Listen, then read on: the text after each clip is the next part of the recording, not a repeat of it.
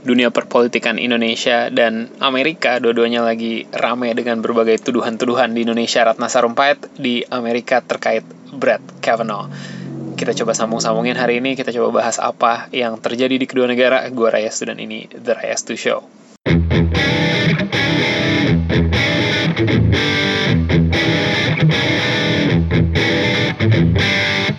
Oke, okay, ini mungkin berita yang paling mencengangkan di Indonesia selama uh, new cycle ini, selama new cycle pemilu 2019 yang akan datang. Ini belum ada berita yang lebih fenomenal lagi, lebih ajaib lagi dari berita uh, hoaxnya Ratna Sarumpait ini. Ini luar biasa sih. Jadi mungkin um, gue yakin sebenarnya semua orang yang lagi dengerin podcast ini semua juga udah tahu ya apa yang terjadi. Tapi nggak apa-apa kita coba go through aja perlahan-lahan tentang uh, kejadiannya gitu. Jadi kurang lebih di tanggal awal Oktober ini uh, ada berita yang mencuat di mana-mana bahwa uh, Ratna Sarumpait itu uh, bonyok gitu. Jadi ada fotonya mencuat uh, dia bonyok dan uh, kemudian dia mengaku bahwa dia habis dipukulin orang di uh, bandara Bandung ya. Jadi dia habis dipukulin dua tiga pria gitu. Dan um, ini langsung di, diambil mentah-mentah gitu beritanya sama uh, kubu Prabowo. Jadi kubu ya kubu 2019 ganti presiden lah. Itu semuanya pada mengecam apa yang terjadi pada Ratna Sarumpait dan dianggapnya bahwa yang terjadi adalah penganiayaan, pengeroyokan terhadap Ratna Sarumpait karena dia adalah tokoh anti presiden gitu, tokoh anti rezim, tokoh anti Jokowi dan insinuasinya adalah bahwa ini dilakukan oleh orang-orangnya Jokowi gitu atau orang-orang yang mendukung uh, Pak Jokowi gitu jadi uh, banyak banget yang me, me, apa ya me, mengumandangkan bahwa ini adalah kebrutalan rezim yang tidak mau um, ada dissidents tidak mau ada uh, orang yang melawan gitu seperti orde baru lalala. dan masalahnya ini bukan hanya orang-orang kelas bawah di 2019 ganti presiden bukan hanya orang-orang kelas bawah atau level coro-coro di kubu Prabowo tapi bener-bener di tier 1 jadi udah Prabowo-nya ada eh, Sandiaga Uno-nya semuanya ikut berkomentar ikut mendukung perjuangannya Ratna Sarumpait dan ikut mengecam apa yang terjadi atas Ratna Sarumpait itu. Jadi ada Prabowo ada Sandi siapa lagi? Semua top brassnya grup Prabowo ada. Jadi Amin Rais Fadlizon Fahri Hamzah um, siapa lagi? Ada ya jubir-jubirnya uh, Daniel uh, juga terus ada uh, Hanum Rais anaknya Amin Rais yang juga mungkin mulai mulai political gitu. Um, semuanya ikutan um, menggembar-gemborkan berita itu gitu. Dan ini dari awal visi gitu. Dari awal visi kelihatan apa? I maksudnya apa iya sih di apa iya sih orang Jokowi akan sebodoh itu untuk uh, me, me, me, apa memukuli Ratna Sarumpait gitu. Pertama ngapain Ratna Sarumpait gitu kan. Banyak orang yang lebih penting pun mereka mau melakukan itu yang mana bodoh sekali kalau dilakukan gitu. Satu itu ya dua ya bodoh banget kalau dilakukan buat apa gitu. nggak nggak ada manfaatnya gitu dengan Ratna Sarumpait bonyok siapa yang akan diuntungkan gitu. Kalau benar ini dilakukan oleh tim Jokowi, mereka nggak akan diuntungkan juga dengan uh, mengeroyok atau me, mengintimidasi tokoh apalagi hanya selevel Ratna Sarumpait gitu. Dan dari awal sih semua orang um, banyak banget yang nggak yakin. Bahkan banyak orang-orang yang pendukung Prabowo juga um, me, me, membatasi diri dari memposting tentang ini. Karena mereka juga banyak yang merasa something fishy gitu. Apalagi di kubu Jokowi mungkin 100% merasa fishy sekali nggak mungkin ada uh, tim nggak mungkin sebodoh itu tim Jokowi untuk ngeroyok Ratna Sarumpait gitu. Karena udah jelas efeknya pasti akan di blow up sedemikian rupa jika itu adalah benar. Dan ternyata walaupun nggak benar juga benar uh, udah di blow up abis-abisan gitu. Nah ternyata akhirnya uh, polisi melakukan penyelidikan dan akhirnya hasil penyelidikannya itu dibeberkan uh, kepada publik dan ditemukan bahwa sebenarnya ini adalah kebohongan. Karena ternyata um, ditemukan bahwa yang di, yang terjadi sebenarnya adalah bukan pengeroyokan sama sekali tapi Ratna Sarumpait itu melakukan operasi plastik dan bahkan itu sudah di, terjadi dari tanggal 21 September. Jadi udah 10 hari lebih dari uh, ketika uh, tuduhan ini mencuat gitu. Jadi ternyata dia operasi plastik dan ini ketemu dengan berbagai investigasinya polisi ya. Ketemu CCTV waktu dia ke uh, rumah sakit um, rumah sakit kecantikan di daerah men, di bilangan Menteng gitu. Ketemu juga uh, transaksinya. Ini gue akan bahas lebih lanjut nanti tentang ini. Ketemu juga uh, transaksinya. Jadi ada ada debit uh, rekening BCA-nya Ratna Sarumpait di rumah sakit tersebut sebesar uh, kalau nggak salah ada tiga kali transaksi. Total totalnya puluhan juta untuk melakukan itu. Dan juga uh, netizen juga menemukan gitu bahwa wallpaper kamar uh, di mana Ratna Sarumpait ini dirawat ketika dia bonyok katanya itu uh, mirip sekali dengan wallpaper rumah sakit uh, kecantikan tersebut rumah sakit bedah uh, ya, rumah sakit tersebut lah untuk uh, apa kulit dan sebagainya operasi plastik. Jadi akhirnya setelah dibongkar demikian oleh Polri, akhirnya Ratna Sarumpait mengaku sendiri.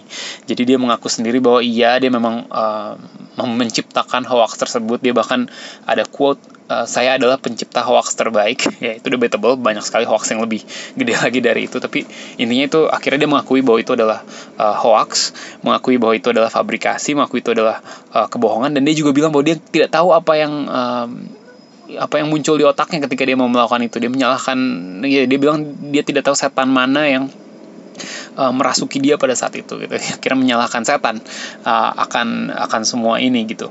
Um, dan efeknya luar biasa gitu kan. Jadi oke okay, sebelumnya bahkan uh, sebelumnya kan semua kubu Prabowo itu pada pada all out mensupport Ratna Sarumpait yang terjadi adalah ketika dia mengumumkan bahwa dia um, bahwa dia eh, menciptakan hoax tersebut, menciptakan fabrikasi tersebut, semua balik mengecam dan kubu Prabowo ini memposisikan diri sebagai korban, korban hoax gitu. Mereka tertipu oleh uh, hoaxnya Ratna Sarumpait. Mereka semua percaya gitu. Mereka me, mereka memposisikan diri bahwa mereka terlalu baik.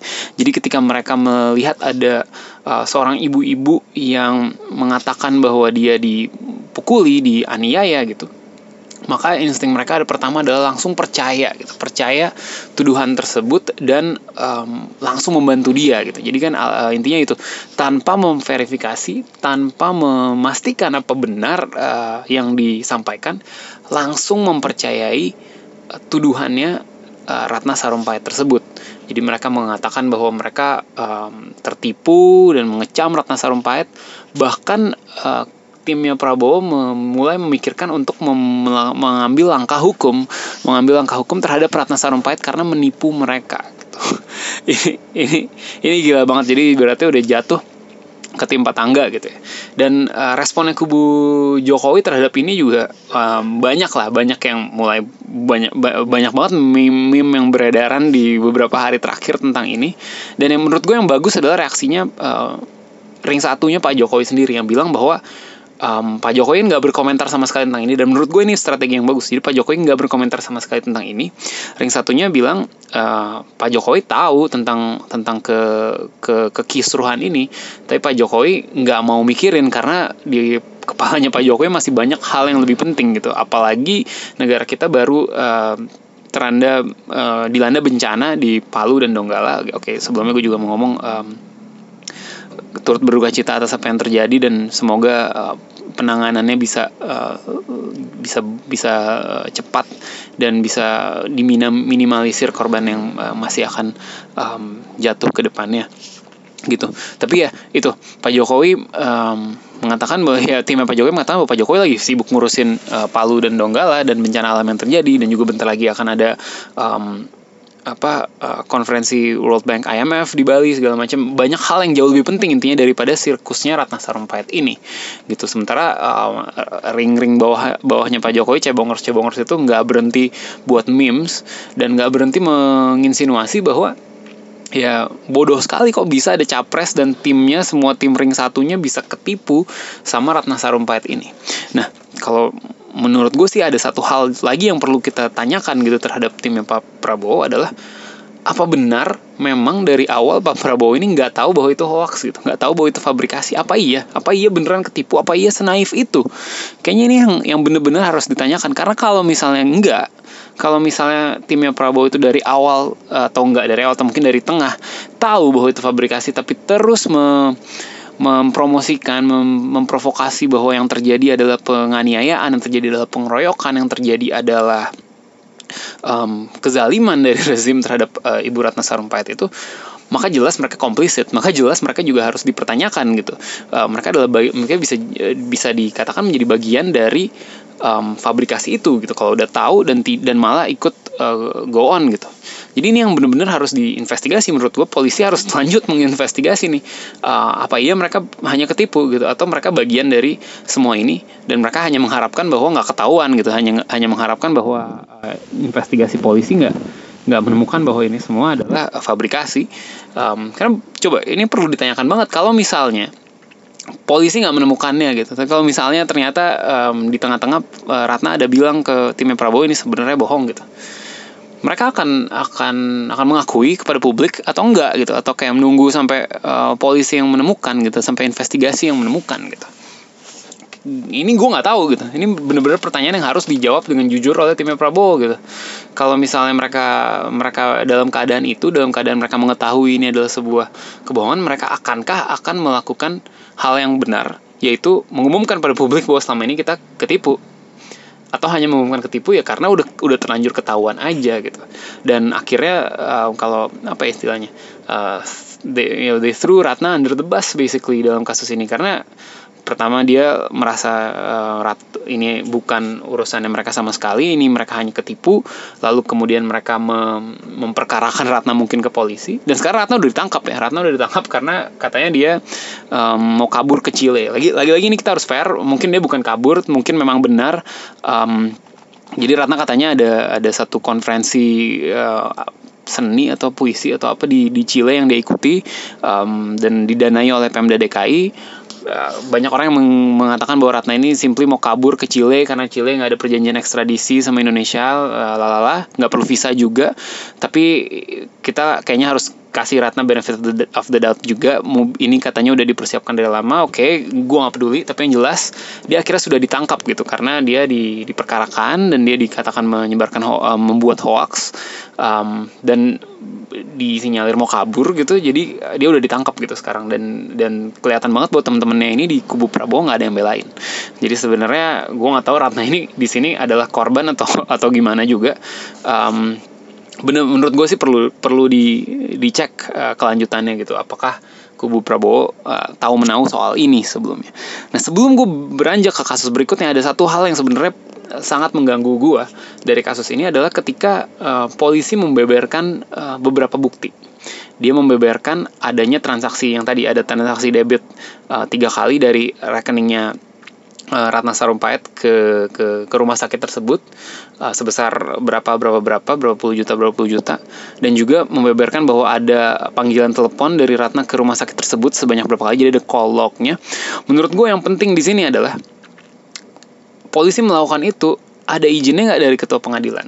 Jadi setahu gue kalau kita mau melakukan penyadapan, penggeledahan atau um, mengecek rekening misalnya, butuh uh, izin dari ketua pengadilan gitu. Butuh uh, apa ya? Um, butuh um, ya butuh polisi harus minta izin dulu ketua pengadilan mau melakukan investigasi dan untuk melakukan investigasi butuh uh, hal-hal uh, ini dapat izin dulu baru dia boleh melakukan itu gitu karena kalau enggak dan polisi ternyata bisa membeberkan semua fakta itu bisa menemukan semua fakta itu bisa mengakses data perbankan dan data transaksi uh, perbankan semua orang hanya karena um, ya gue bahkan nggak tahu uh, dasar dari dari investigasi ini apa gitu. Apakah udah ada tuntutan? Apakah udah ada apa?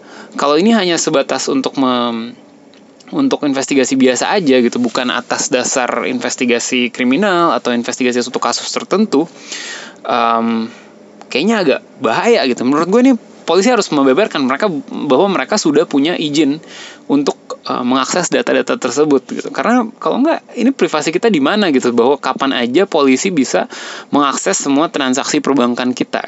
Kayaknya ini ini suatu hal yang salah dan dan harusnya uh, minta izin dulu ke ke pengadilan bahwa uh, bahwa polisi mau melakukan penggeledahan, mau melakukan pe, penyadapan, mau melakukan um, pengecekan data perbankan kita. Oke tentang tuduhannya Ratna Sarumpait yang ternyata adalah hoax uh, sampai situ. Abis ini kita akan bahas tentang uh, tuduhan yang me menyelimuti uh, Brad Kavanaugh. Siapa Brad Kavanaugh dan lain-lain abis ini.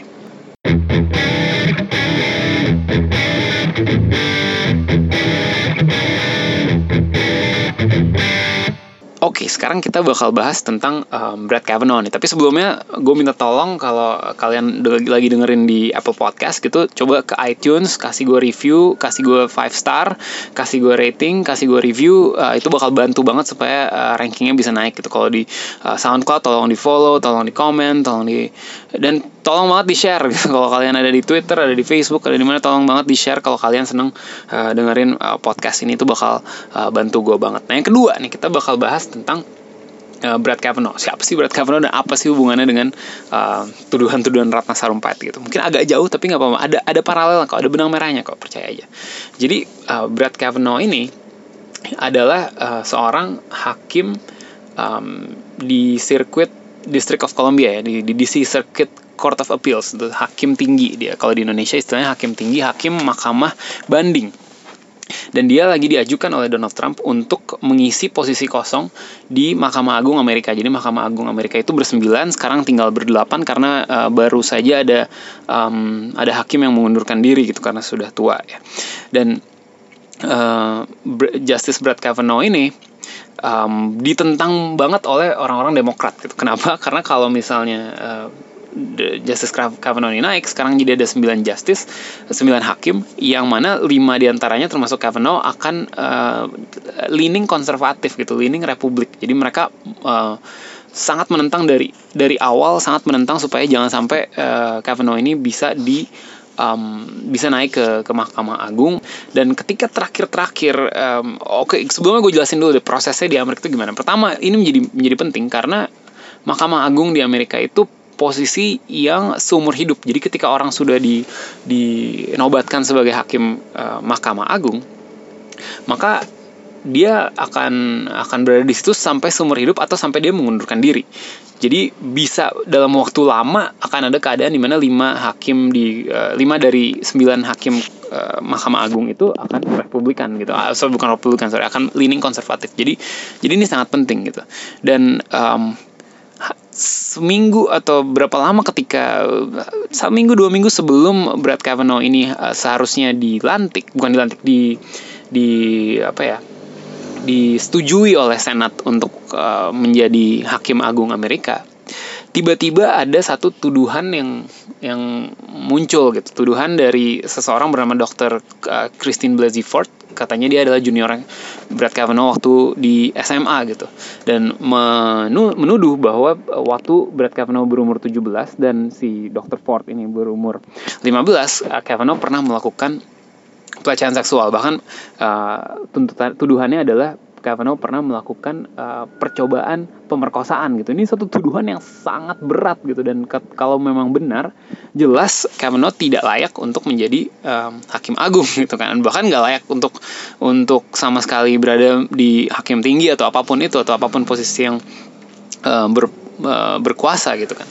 Uh, dan setelah adanya tuduhan dari dari dokter Christine uh, Blasey Ford tersebut tiba-tiba ada beberapa tuduhan-tuduhan lain. Ada dari uh, Deborah Ramirez. Deborah Ramirez uh, menuduhkan bahwa uh, Kavanaugh berada di pesta di mana di pesta itu dia katanya me, menyodorkan uh, menyodorkan bagian tubuh tertentu ke ke Debra ini katanya. Terus kemudian ada lagi uh, tuntutan tuduhan dari uh, Julie Swetnick ini lebih lebih uh, grand lagi tuduhannya lebih gila lagi. Katanya uh, Kavanaugh ini uh, bagian dari uh, satu satu komplotan yang sering melakukan uh, gang rape gitu. Katanya uh, Julie Swetting ini pernah di gang rape oleh satu komplotan yang mana di dalamnya uh, termasuk uh, di di mana termasuk di dalamnya adalah si uh, Brad Kavanaugh ini. Dan akhirnya ada hearing yang sampai panjang banget uh, kalau nggak panjang banget sorry um, akhirnya jadi ditunda-tunda terus lah um, apa konfirmasinya si Kavanaugh ini ada hearing ada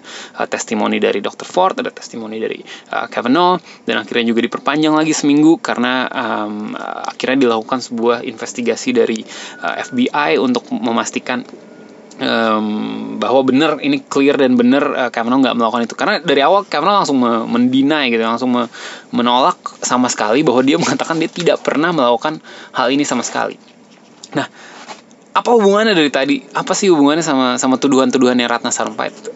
Hubungannya adalah gini. Pertama um, gue nggak bilang sama sekali bahwa tuduhannya uh, Dr. Ford, tuduhannya uh, Deborah Ramirez, tuduhannya Julie Swetnick itu semua pasti um, bohong gitu, semua tuduhan palsu gitu. Tapi tuduhan-tuduhan itu nggak ada yang ada buktinya gitu, nggak ada yang ada ada bukti yang istilahnya bisa me, me, mendukung tuduhan tersebut bahwa tuduhan tersebut adalah nyata gitu. Jadi um, hanya ada testimoninya uh, Dr. Ford di semua nama yang dia sebut bisa mendukung dia, semua juga nggak ada yang me mensupport klaimnya dia.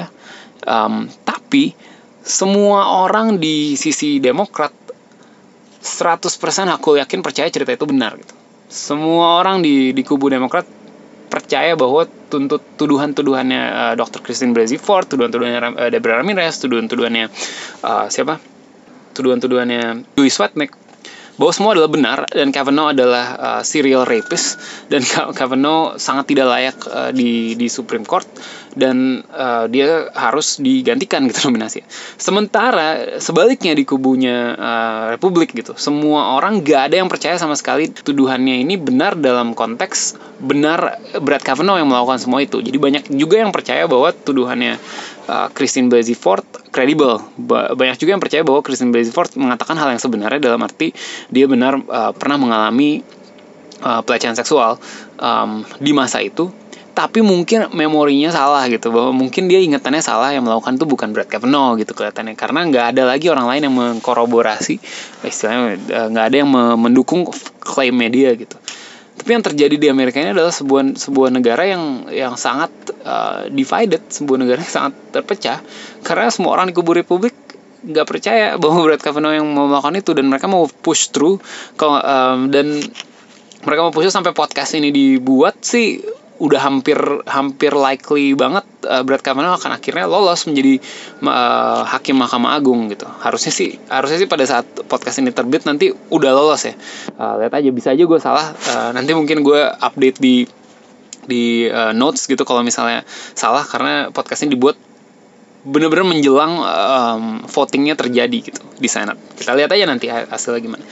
Tapi yang jelas uh, tuduhan ini udah sangat me, me, merusak reputasinya Kavanaugh ya. Kavanaugh ini uh, hakim sama puluhan tahun di Amerika dari hakim biasa lalu jadi hakim tinggi lalu sekarang menjadi calon um, nominasi Mahkamah Agung.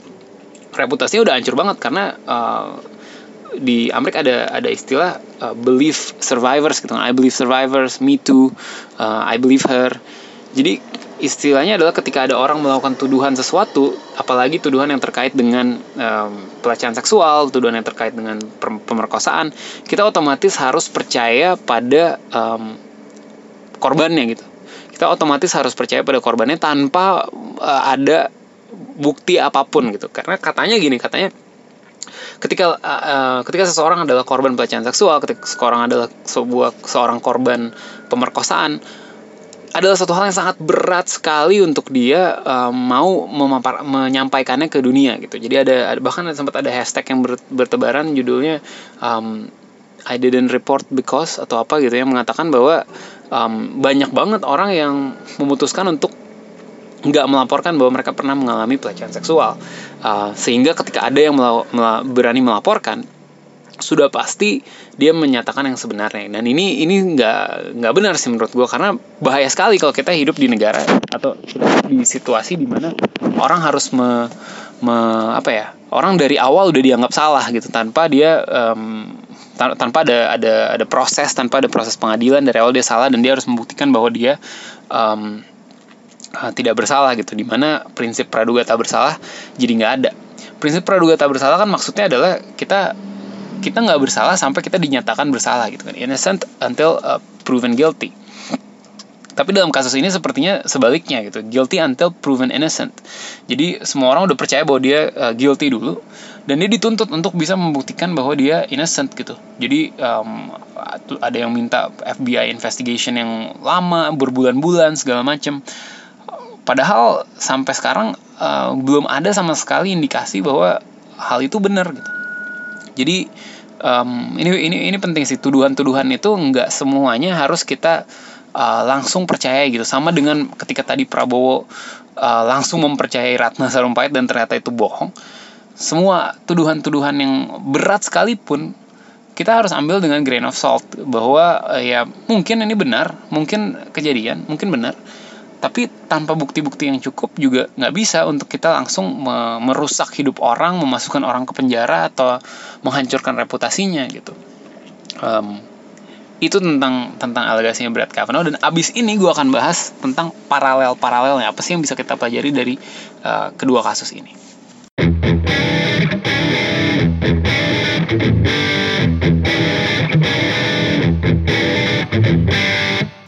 Oke, okay, uh, singkat aja. Uh, ada dua hal sebenarnya menurut gue bisa kita pelajari. Satu tadi gue udah sempat sentuh bahwa kita ada uh, bahwa partisanship kita tuh sangat jalan gitu baik di Amerika baik di Indonesia kita sangat partisan banget ketika ada satu tuduhan yang mendukung uh, kepentingan politik kita dalam hal ini di Indonesia kepentingan politiknya adalah um, menge me menginsinuasi bahwa pemerintahan Jokowi adalah uh, apa zalim. Maka ketika ada tuduhan yang memvalidasi fakta tersebut tanpa kita perhatikan um, bukti-buktinya tanpa kita uh, even tanpa kita uh, apa ya menanyakan lebih lanjut dengan dan kita bisa dengan sangat naif langsung percaya aja gitu. Dan sebaliknya gitu sebaliknya di kubu yang pro Jokowi dari awal nggak ada satu orang pun yang percaya tuduhannya Ratna Sarumpait gitu padahal bisa aja bener bisa aja bener bisa aja bener dia digebukin gitu. Pada saat itu ya sekarang jelas sudah salah. Tapi pada saat itu bisa aja bener tapi nggak ada sih menurut gue satupun orang Jokowi yang percaya sama Ratna Sarumpait pada saat itu. Dan ini sama persis dengan yang terjadi di Amerika di mana kayaknya nggak ada sama sekali orang di di sisi Demokrat yang percaya bahwa Brad Kavanaugh itu orang baik-baik. Nggak ada yang percaya bahwa uh, tuntut tuduhan tuduhannya tiga orang tersebut tuh salah gitu. Tuduhan tuduhan tiga orang tersebut tuh um, mungkin salah ingat atau mungkin bohong gitu. Nggak nggak ada yang percaya gitu. Dan dan demikian di kubu sebaliknya di kubu Republik juga. Dari awal kelihatan bahwa um, mereka udah merasa bahwa ini adalah hit job aja. Karena uh, insinuasinya adalah gini uh, atau uh, yang mereka bayangkan adalah gini Demokrat nih sengaja ngulur-ngulur waktu doang. Sekarang bentar lagi adalah pemilu sela gitu uh, midterm elections. Dan mereka harap bahwa di midterm elections itu mereka bisa uh, bisa overturn the Senate mereka bisa menguasai Senate. Dan ketika mereka menguasai Senate nanti siapa pun yang ditunjuk sama Donald Trump uh, mereka nggak akan approve gitu supaya akhirnya nggak ada um, conservative majority di Mahkamah Agung. Jadi uh, orang Republik tuh mikirnya gitu, semua usaha uh, usaha semua tuduhan-tuduhan terhadap Kavanaugh ini bohong dan semua tuduhan terhadap Kavanaugh ini hanya upaya Demokrat supaya supaya nggak ada uh, hakim konservatif yang menduduki uh, kursi ke-9 di uh, di Mahkamah Agung gitu jadi di kedua sisi semua sama. Uh, dari awal udah kayak begitu. Bahkan sampai akhir ma di kubu Republik jelas makin merasa tervindikasi karena ternyata uh, background checknya FBI yang baru dilakukan itu nggak men menemukan bukti apa-apa. Mereka makin yakin bahwa um, bahwa ini adalah hit job aja. Di sisi Demokrat semua bukti apa pun atau semua uh, lack thereof semua ketiadaan bukti apa pun tidak ada yang bisa meyakinkan mereka bahwa si uh, Kavanaugh ini uh, apa innocent gitu. Karena mendukung um, agenda politik masing-masing. Dan yang kedua adalah confirmation bias. Ini ini ini mungkin mungkin uh, mirip sama yang pertama tapi beda confirmation bias itu intinya kalau kita udah percaya sesuatu kita punya satu pandangan hidup tertentu atau kita punya satu um, preconceived notions lah istilahnya maka kita cenderung akan akan lebih mempercayai fakta-fakta baru atau bukti-bukti baru atau berita-berita um, baru yang mendukung uh, mendukung view tersebut gitu. jadi ketika dari awal kita udah ada udah ada pandangan bahwa Kavanaugh orang baik ketika ada bukti yang mengatakan bahwa atau ada berita yang mengatakan bahwa dia bukan orang baik, kita cenderung ah masa sih nggak percaya. Ketika ada yang mengatakan bahwa Kavanaugh ini orang baik, bener dia choir boy waktu kecil, uh, you know, uh, religious segala macam, kita langsung oh iya iya kayaknya bener deh gitu. Padahal bisa aja sama sama aja kemungkinannya bahwa itu salah tuh sama aja gitu. Demikian di kubu uh, Demokrat kan ketika kita punya confirmation bias dia udah pasti orang jahat karena dia mau uh, meng, meng overturn beberapa kebijakan-kebijakan liberal di Mahkamah Agung sebelumnya gitu. Um, maka apa pun berita sekecil apa pun bukan sekecil apa pun tapi sejauh apa pun dari kemungkinan nyata kita langsung percaya. Gitu. Ini di kedua di kedua kubu uh, jelas banget gitu. Dan mungkin tadi gue sempet agak kurang ya gue mungkin sekalian juga mau jelasin bahwa kenapa sih um, ini penting banget uh, uh, apa uh, mahkamah posisi mahkamah agung di Amerika ini penting banget. Kenapa? Karena uh, di Amerika itu gak ada mahkamah konstitusi kan? Dia ada hanya ada mahkamah agung dan mahkamah agung itu juga menjalankan fungsi uh, apa uh, judicial review gitu terhadap uh, peraturan-peraturan yang berlaku. Biasanya kalau ada ada kasus ada satu tuntutan dibawa ke mahkamah tinggi dibawa ke mahkamah agung di mahkamah agung diputuskan dan itu menjadi uh, peraturan baru gitu. Karena di Amerika ada yang namanya uh, legal jurisprudence gitu jurisprudensi legal uh, jurisprudensi hukum di mana kalau ada satu kasus diputuskan um, begini oleh uh, uh, diputuskan dengan satu cara oleh oleh Mahkamah Agung artinya cara tersebutlah yang konstitusional. Dan ketika ada kasus berikutnya di lagi di pengadilan biasa pengadilan harus memutuskan berdasarkan keputusan Mahkamah Konstitusi eh, Mahkamah Agung kasus sebelumnya tadi gitu. Dan kalau tidak dia bisa dituntut balik ke uh, Mahkamah Agung dan bisa di, di um, diubah gitu keputusannya kan. Di uh, jadi ini penting banget karena uh, pada prinsipnya uh, Mahkamah Agung itu bisa membuat apa ya bisa menginterpretasikan konstitusi sehingga mengubah atau memutuskan bagaimana peraturan itu dibaca, bagaimana peraturan itu ada. Dan makin ke sini makin penting karena uh, padahal pada awalnya itu Mahkamah Konstitusi Amerika, Mahkamah Agung Amerika itu hanya dibuat untuk ya pokoknya suatu aturan yang ada atau satu uh, kasus itu konstitusional atau enggak uh, sesuai ada apa enggak di konstitusi atau di uh, amandemen-amandemen konstitusi yang udah ada kalau nggak ada ya bukan hukum gitu. Biarkan nanti legislatif yang buat amandemen baru atau buat apa. Tapi belakangan sejak tahun 60-an kalau nggak udah nggak ada amandemen-amandemen lagi terhadap uh, konstitusi Amerika. Tapi ada beberapa hal penting gitu. Ada ada beberapa kasus-kasus penting yang menjadi uh, law of the land. Misalnya Roe versus Wade. Ini yang lagi ramai banget dibahas. Roe versus Wade itu adalah satu keputusan Mahkamah Agung yang akhirnya melegalkan um, melegalkan aborsi di Amerika gitu karena tadinya kan nggak ada nggak ada di konstitusi Amerika bilang uh, boleh melakukan aborsi kan? Lalu ada kasus Roe versus Wade naik naik naik ke uh, Mahkamah Konstitusi dan Mahkamah Konstitusi bilang ini konstitusional gitu. Boleh melakukan uh, aborsi gitu. Dan ini rame kan? Karena apa haknya karena orang-orang berpikir apa haknya Mahkamah Konstitusi gitu untuk mem, atau Mahkamah Agung untuk membuat peraturan baru. Kalau mau buat peraturan bahwa di Amerika uh, boleh aborsi buatlah di um, di di Senat atau di House of Representative kan.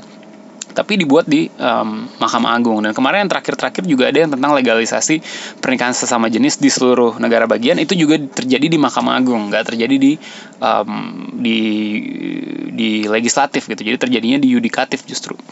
Dan atas dasar itulah maka Mahkamah Agung menjadi sangat penting sekali gitu. Karena siapa yang ada di sana bisa membuat peraturan gitu akhirnya. Bisa me, me apa ya um, positive judiciary atau apa gue lupa namanya apa pokoknya kayak dia bisa me membuat peraturan baru yang mungkin nggak sesuai sama uh, ide awalnya tapi itu yang terjadi sekarang jadi kalau misalnya sekarang uh, akhirnya Mahkamah Agung itu dikuasai orang konservatif semua hal-hal yang dia udah putuskan sebelumnya bisa di overturn, bisa diubah lagi. Makanya orang Demokrat takut sekali ada um, mayoritas konservatif di di uh, Mahkamah Agung karena mereka takut sekali hal-hal seperti Roe v. Wade, hal-hal seperti legislasi uh, pernikahan sama jenis um, di overturn di Supreme Court gitu. Akhirnya uh, negara-negara bagian boleh lagi mem, me, menghalangi atau melarang aborsi, boleh lagi melarang pernikahan sama jenis dan sebagainya gitu. Maka itulah kenapa Mahkamah Agung di Amerika sangat penting dan kenapa ini menjadi menjadi rame gitu. Mungkin ini sih sama sekali udah gak ada hubungan sama Ratna Sarumpait ini hanya hanya tambahan buat uh, kalian yang mungkin tertarik untuk mengerti konteksnya kenapa sih ini jadi jadi rame jadi berita yang nasion nasional di sana bahkan uh, internasional gitu tentang uh, Brad uh, Kavanaugh ini. Oke, okay, kita udah udah lama kayaknya udah berapa udah setengah jam lebih. Oke, okay, uh, kalau gitu sampai sini dulu gue akan berusaha banget supaya lebih rutin. Ini udah sebulan dari terakhir bikin podcast sorry banget. Um, nggak sempet sempet moga-moga ke depannya lebih rutin seminggu atau dua minggu lagi kita ketemu lagi di uh, The Rise to Show podcast Indonesia yang bahas uh, ekonomi politik dan anything in between. Thank you banget. Ciao